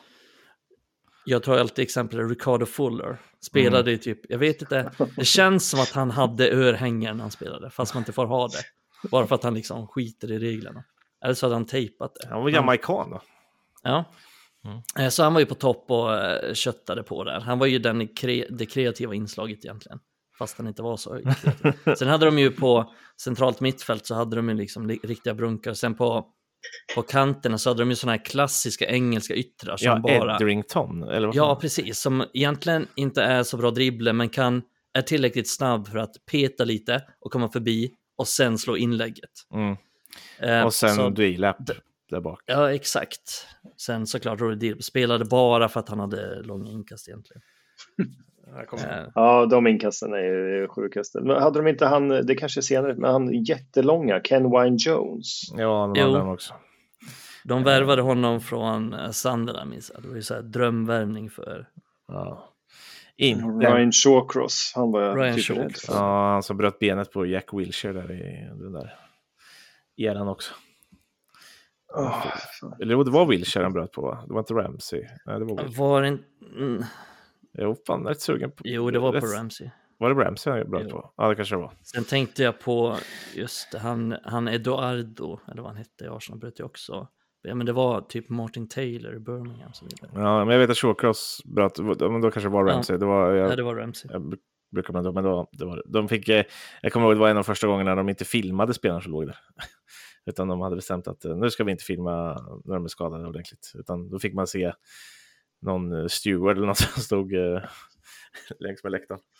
Det är det jag Ja, minns. men från- precis. Men de hade ju liksom alla de här W i sina lag. Det vill säga Wilson, Wheel, vad heter han? Whelan. Glenn ja, Whelan. Glenn Whelan. Whelan. Herregud, Så här, han kunde inte bolla till tre. Walter såklart. Ja, just det. Men det Men ja, ja, för fan. Whitehead. Walters var typ navet. Ja. Dean Whitehead, eller som eller Dean Scheithed. i- Mm. Ja, nej, hörni, vi måste släppa. Robert Hoth. Nu får du fan släppa Stoke. Ja, just det. Ja. Mm. Uh, du menar Premier League-vinnare Hutt? Eh, med, ja, fy fan. Eh, från ett W till ett annat lag med ett W i namnet i alla fall. Då. Newcastle, som väntar i helgen. En, eh, ett möte där vi faktiskt möter ett lag som vi ligger före. Eh, fast vi har fått mycket skit och de har blivit eh, hyfsat hyllade ändå eh, för sina insatser. Eh, hur vi, sist vi mötte dem var det ju kuppen. Vi åkte ut ligacupen. Vi fick stryk med 3-0 när det var lite. Ja, det var ju B-lag framförallt från dem och ganska B-betonat från United med. Eh, men vi får ändå ganska såklart med stryk. Eh, vad, Micke, om du ska börja, vad, eh, vad säger vi om den här matchen? Hur tar vi oss an den liksom? Eh, Ja du. Det, eh, vi har haft det svårt mot dem, eh, kan jag tycka, framförallt på bortaplan.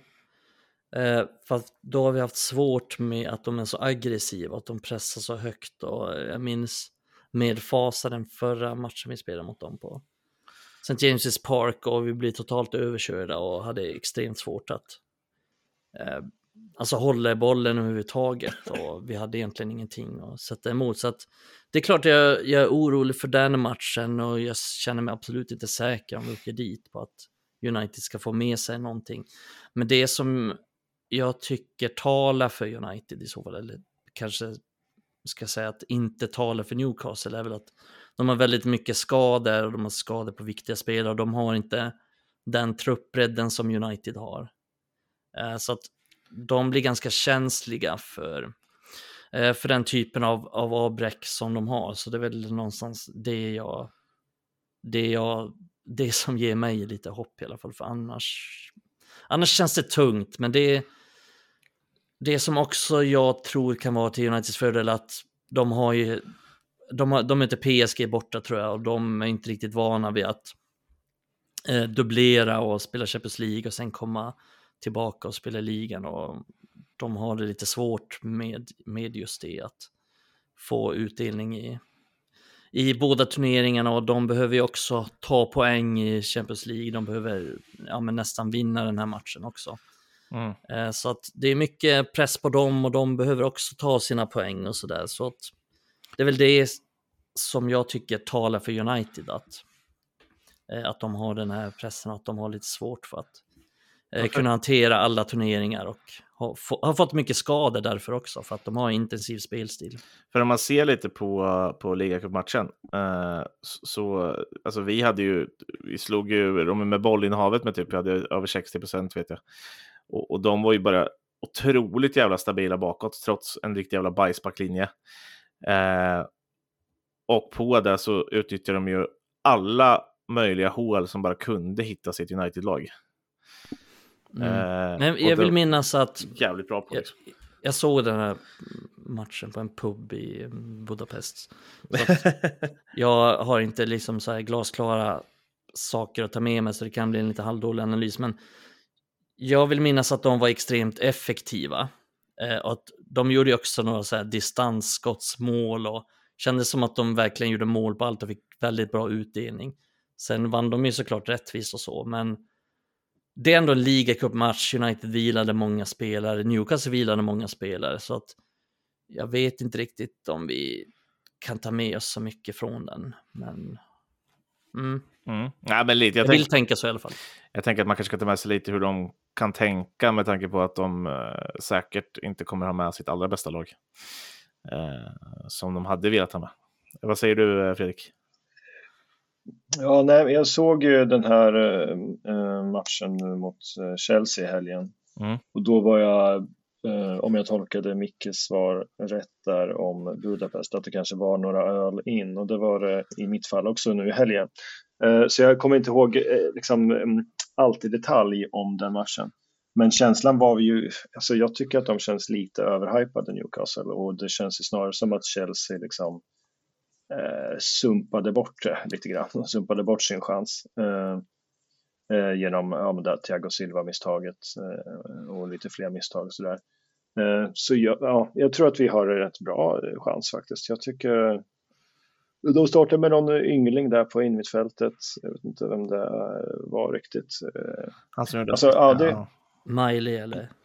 Ja, exakt, exakt. Och det, ja, nej, men jag, jag, tror bara att vi har eh, rätt bra chans. Eh, bättre chans än vad liksom, eh, snitt, eh, snitttipset eller snittpersonen eh, tror i alla fall. Mm. Mm, och de startade ju, nu är i och för sig Bruno och Gimares tillbaka, och de startade ju ändå med Almiron, Isak Gordon, Joel Linton, Gimares, Miley, Trippier, Lasells, Skär, Livramento. Så att, ja, det är väl att... Är det ett så bra bygge då? Är det det? Nej, problemet är väl att de inte har något på bänken istället. Nej, de har ju inte så mycket att byta in. De byter in typ så här Matt Ritchie. Liksom deras, Matt Ritchie, Paul Dammet, ja, Alex Murphy, Amadou Diallo, Michel Ndiveni kom in. Och förutom det satt Loris Karius, Martin Dubravka och Mark Gillespie och Ben Parkinson på bänken. Så det är ju inte... Ja, den här bänken skrämmer fan ingen. Eh, Nej, men de, de sliter ju hårt på det material de har nu. Så att och som sagt, de kommer få en jävla tuff match i Paris. Så att, ja, det kanske vi också får i Turkiet, men mm. det är väl det någonstans man hoppas på att de är väldigt slitna efter det och inte har den energin som de annars har eh, och mm. som de tidigare har haft. Vad säger ni? Det menar jag bara, det menar jag bara att, att jag tror inte vi ska ta, att, att vi förlorar mot dem med, att vi förlorar med 3-0 mot dem i ligacupen, det är inget som man bör, som man behöver lägga jättemycket tid och kraft och, mm. åt egentligen. Nej, och då... då eh, det, så, det, så är det ju också. Det var kuppen och det var lite B-uppställningar så att, eh, jag är beredd att hålla med. Det var mer en, en, en öppnande tanke. Eh, ja, vad, vad ja. säger ni om United då? Alltså för att få ut bäst av de här matcherna, spelar eh, Kobe Maino från start i båda? Kobe Maino spelar alltid från start om vi ska ut det bästa. Mm. Uh... Däremot blir det ju så här, det, är det här är det sista jag ska säga om Maino idag, jag lovar. Men eh, däremot så är det ju, man får säga att det är en ganska tuff start så här, att han startar mot Everton på Goodison. Jag tycker ändå att det är en väldigt tuff start i just den matchen.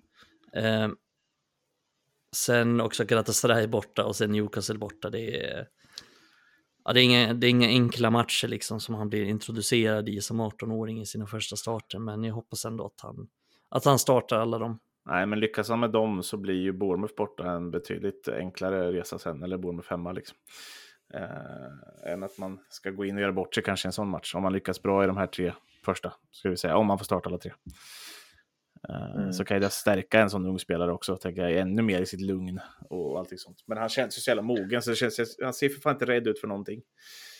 Nej, det ser inte ut som att han bryr sig. Han är apatisk. Liksom. Han, är bara, han känns ju otroligt eh, självklar på så sätt. Mm. Eh, och det älskar man ju. Och jag vill se Garnacho starta egentligen båda matcherna också. Jag tycker att, Mm. alltså egentligen ser jag inte, förutom att jag skulle vilja ut McTominay, så ser jag inte att vi får tillbaka någon spelare som, som jag hellre tar in än någon annan eh, till de här matcherna. Eh, att Shaw är tillbaka är fantastiskt. Eh, och det skulle väl vara att man får in Shaw som en av mittbackarna då, för att kunna styra ett spel bättre. Eh, och spelar typ Dalot Wan-Bissaka på ytterbackarna. Garnacho är given dock eftersom eh, Rashford är avstängd mot Galatasaray. Eh, ja, men den är given då. då.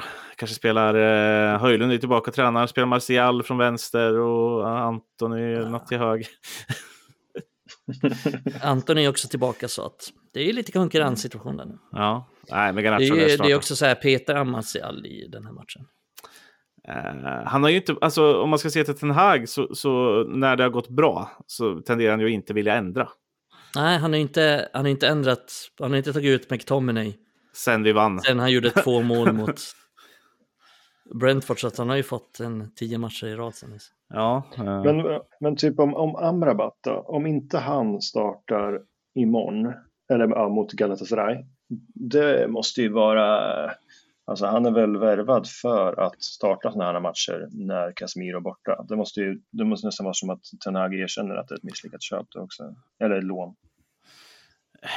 Ja. ja. jo, men det, alltså, han har inte varit så bra helt enkelt. Det är Nej. Nej men om alternativet är McTominay, alltså, Ja. som, som, Men McTominay är ändå given i alla matcher. Så. ja, men det, I sin oklara roll. McTominays oklara jävla roll. ja, men det är ju någonting som, som uh, Ten Hag gillar med vad han får ut av McTominay och det, det måste ju vara det vi har nämnt innan. Just det här att han, ledarskap kanske. äh, nej, det tror jag inte en sekund på. Utan just det, Nej, men när, Han när gör var mål hon i straffområdet? ibland. Ja, men det är så här, alltså han, han får ett hot och någonting liksom framåt som... Han är bra också, det, det är han ju. Liksom, han är bra på defensiva fast och så här. Så Ja. han är nyttig att ha på det sättet, men vad fan, det är inte värt det. Alltså, det ska väl Maguire kunna hantera själv för fan. Han är världens största panna. Ja, Sätt Maguire mot alla dem.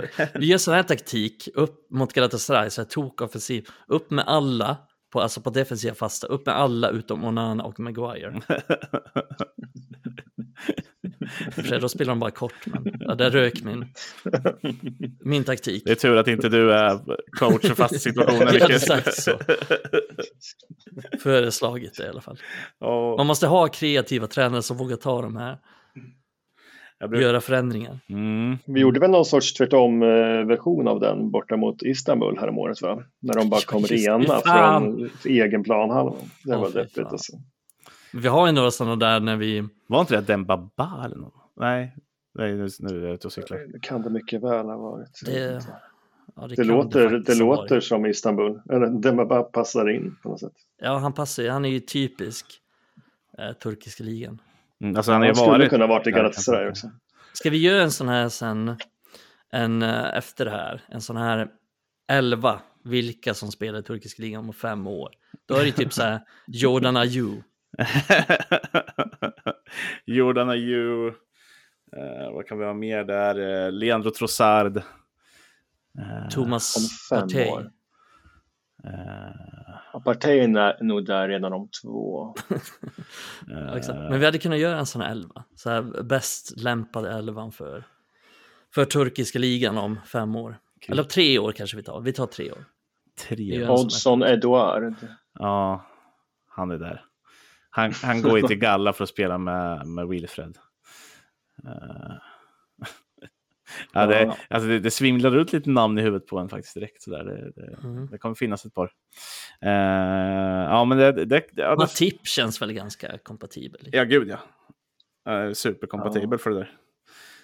Eh, jag hade sagt att eh, om Wijnaldum var kvar så hade han också varit kompatibel för det. Ja, verkligen. verkligen. Simikas. Ja, skulle fast han är ju ganska ung fortfarande. Han det? Jag tycker han bara... 26. det känn- Ja, okej. Mm. Nej, men det är, tyvärr så är många av dem Saudi-kompatibla också. Men det, Ja. är, men det är något lite speciellt som hellre går till. De är inte riktigt så stora namn för Saudi. Nej, men Leandro Trossard, han är 33 om fem år. Han spelar i Galla då. Ja, Så jo, någon form av ersättare till Dries Mertens. Eh, ja precis. eh, ja, det, det, det slår jag fast som mitt första namn. Vem i United gör det då? Ja, men Anthony Martial är ju där. Klockrent. Det, Mm. eh, och jag tror Anthony kan vara där också. Mycket möjligt att Lukaku har ersatt Icardi också. ja, Lukaku kan nog gå dit faktiskt. Jag säger att Det är det är hans boyhood Han är, bara skriker besiktas över Lukaku. Lukaku boyhood club Han och- besiktas. Ja. Ja, det är kul. Eh, ja, eh, rent schemamässigt har vi inte så mycket kvar att säga. Ni kan väl få, jag brukar gilla det här mycket, att du får tippa. Vad, vad blir det mot Galla? ja, men vi kör väl. Vi slog ju en rekordvinst under Erik Ten på bortaplan nu mot Everton och vann med 3-0. Så att, eh, det är ett gångbart resultat. 0-3. 0-3. Vadå, har vi aldrig vunnit med mer än så under Ten? Nej, inte på bortaplan. Oj, okej, det är fascinerande. Ehm, jag tror att ehm, jag tror att vi vinner med 2 2-0 tror jag vi vinner. 2-0. Mm. Jag tror att vi... 3-1 då. Jag tror vi släpper in mål. Eh, Kul att vi alla tror på vinsten då. Eh, Ja, men alltså, vi är ett bättre lag än Galatasaray. Så att jag skulle säga att vi är, vi, är så, vi är favoriter. Trots hur dåliga vi än har varit och så där, så måste vi vara favoriter även om vi åker borta mot Galla. Eh, så att, Ja. ja. men det känns som att i, i liksom den här Red Army-chatten vi har, då är det ju det är inte alltid de här tongångarna. Det kan ju vara lite så här Men där, uppgivet. där är vi bara också. negativa. Det, det är där vi är. vi är nitiska. Uh, Okej, eh, då får du börja Fredrik på Newcastle då. Vad blir det där? Eh, Newcastle, ja eh, då tror jag att um, ja, jag var inne på att Newcastle kanske är aningen överskattade och att de också har- är skadedrabbade. Men jag tror ändå att det blir ganska tufft. Jag tror att det blir 2-2. Är det drömresultatet? Eller? Eh, nej, det är det inte, men det, jag tror, alltså det känns ändå det. som ett ganska rimligt resultat. Du fattar piken, hoppas jag. Det var, jag kommer inte ihåg. Jag kommer fortfarande inte ihåg vem det var, Micke, men vem fan var det som sa det? Melker va? Var det Melker? Drömresultat 2-2. Ja, just det, det var ju några veckor sedan. Ja. Nej, det här var längre sedan, men vi hade uppe det igen. För eh, Aha, veckor sedan. okej. Ja, det var kul. Uh, ja, Micke då? Ah, Fy fan, jag har liksom noll känsla inför den här matchen. Jag vet, ofta har man ju någon slags så här magkänsla av att Mm. det blir någonting, men verkligen ingen magkänsla. Ja, men jag säger 1-1. 1-1. Ja. Alltså jag tänkte också kryss, eh, så, men jag kommer säga att vi vinner med, jag tror vi håller nollan igen. Det blir 1-0. Vi tar en uddamålsvinst till. Drömresultat, det är Mm. det faktiskt. Ja, det är det faktiskt. Eh, eh, men jag tror det skulle kunna bli så. Eh, att vi kan eh, stänga ner dem och, och få till något så här bullshit-mål. På något jävla vänster. Jag hoppas att Kobe Maino är bäst på plan. En bicykleta av Och Garnacho. Garnacho. ja, han gör ett hattrick av bicicletas i tre raka matcher. Eh, Bicykleta Maguire.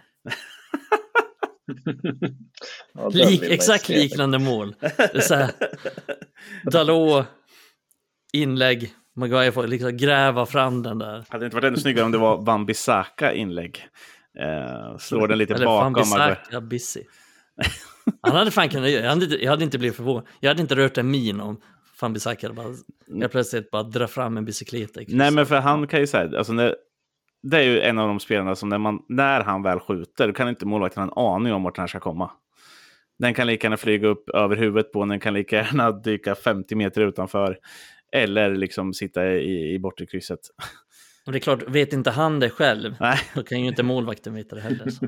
han gjorde något sånt mål någon gång när man såg att han bara tog i utav helvete och, och stänkte upp den i första. eh, Ja, Jag tror det var Newcastle borta. det var Newcastle dessutom. Mm. Mm. Mm. Ja, just Det var på det, var, Park, ja.